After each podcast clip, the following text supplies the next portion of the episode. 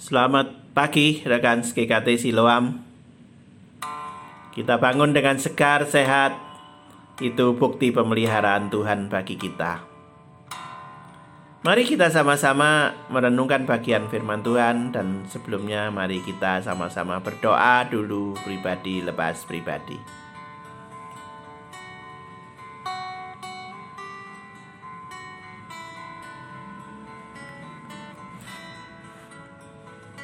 Kitab Nabi Zakaria pasal yang ke-9 ayat yang ke-9.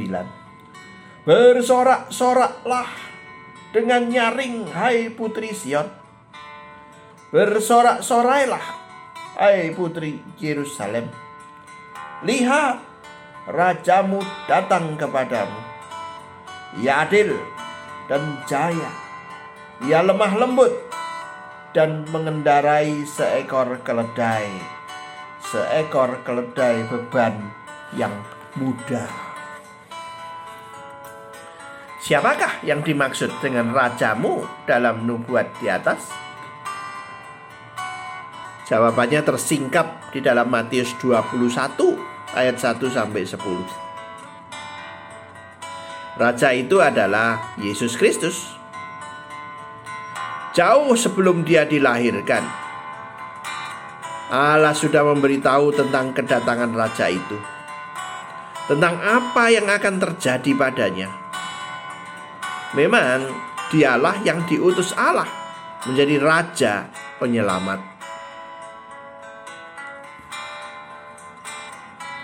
Namun, orang-orang pada zaman itu salah mengerti. Mereka mengira Yesus adalah raja yang diutus Allah untuk membebaskan mereka dari penjajahan bangsa Romawi. Mereka mengira Yesus adalah raja politik. Yang benar adalah Yesus diutus Allah untuk membebaskan mereka dari penjajahan dosa. Yesus adalah raja rohani. Kerajaannya bukan berasal dari dunia ini. Kerajaannya adalah berasal dari surga. Oleh karena itu, Yesus tidak mengajar mereka untuk memberontak terhadap bangsa lain yang menjajah mereka. Tidak pula ia mengajak mereka untuk berperang tetapi Yesus menghimbau agar mereka bertobat dan melakukan kehendak Allah. Ada yang bertanya kepada Yesus, "Apakah yang harus kami perbuat supaya kami mengerjakan pekerjaan yang dikehendaki Allah?" Jawab Yesus, "Inilah pekerjaan yang dikehendaki Allah, yaitu hendaklah kamu percaya kepada Dia, yaitu Yesus Kristus, yang telah diutus Allah. Itu Yohanes 6 ayat 28 29.